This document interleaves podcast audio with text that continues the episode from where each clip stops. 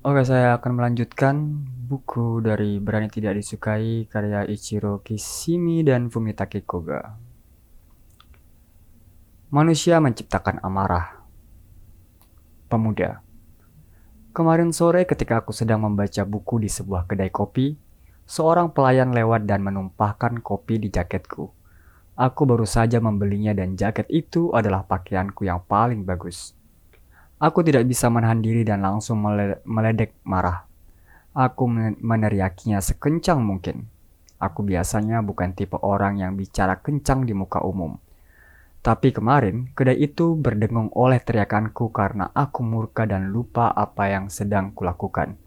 Jadi, bagaimana dengan itu? Adakah ruang bagi terciptanya tujuan di sini? Dilihat dari sisi mana pun, bukankah perilaku ini memiliki pecetus? Filsuf. Jadi engkau terdorong oleh amarah dan akhirnya berteriak. Meskipun temperamen biasanya tenang, kau tidak bisa menahan diri untuk tidak marah. Kejadian itu kejadian yang tidak bisa dihindari dan kau tak berdaya mengatasinya. Itukah maksudmu? Pemuda. Ya, karena kejadiannya begitu meledak, mendadak. Ya, karena kejadiannya begitu mendadak. Kata-kataku langsung keluar sebelum aku sempat memikirkannya. Filsuf. Lalu, misalkan engkau kemarin kebetulan membawa pisau dan waktu meledak marah kau terbawa emosi dan menusuknya. Apakah kau masih bisa beralasan bahwa ini kejadian yang tidak bisa dihindari dan aku tidak bisa membuat berbuat apa-apa tentangnya? Pemuda. Itu, ayolah, itu argumen yang ekstrim filsuf. Ini bukan argumen yang ekstrim.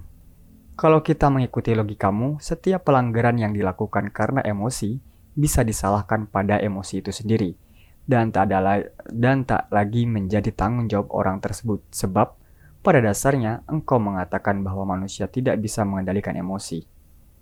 Pemuda. Nah, kalau begitu bagaimana engkau menjelaskan amarahku? Filsuf.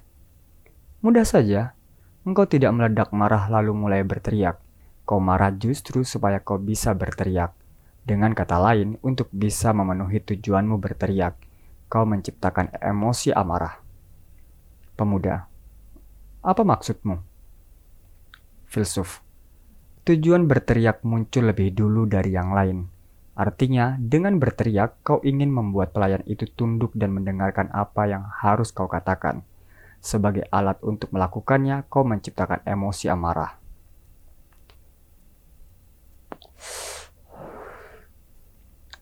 Pemuda, aku menciptakannya. kau pasti bercanda. Filsuf, lalu kenapa kau menaikkan volume suara?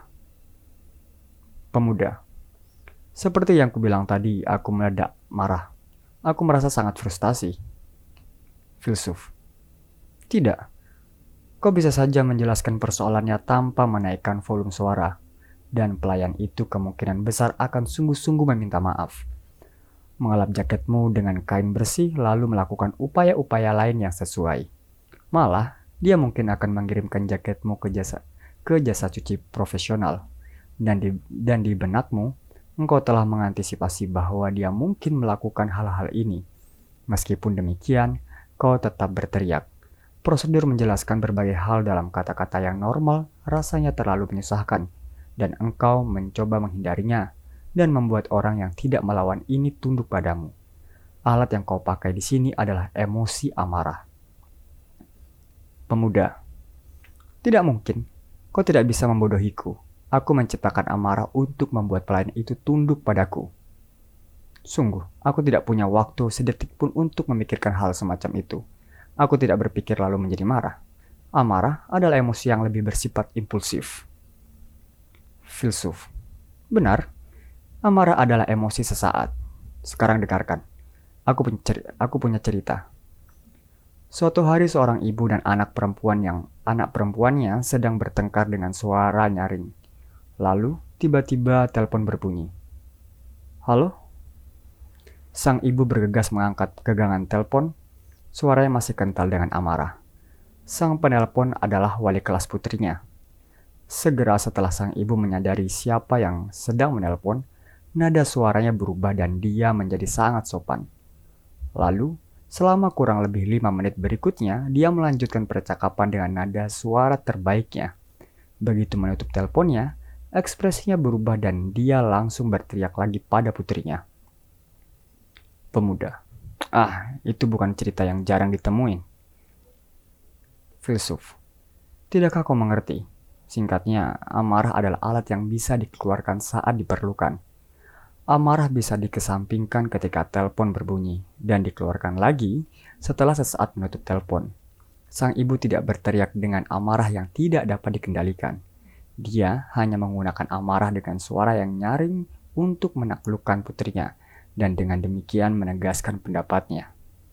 Pemuda, jadi amarah adalah cara untuk meraih tujuan filsuf. Itulah yang dikatakan te teleo Hah.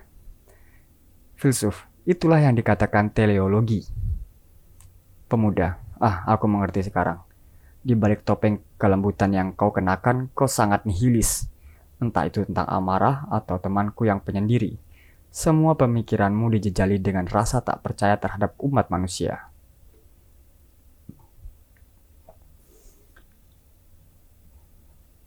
Oke, segitu saja untuk bab kali ini.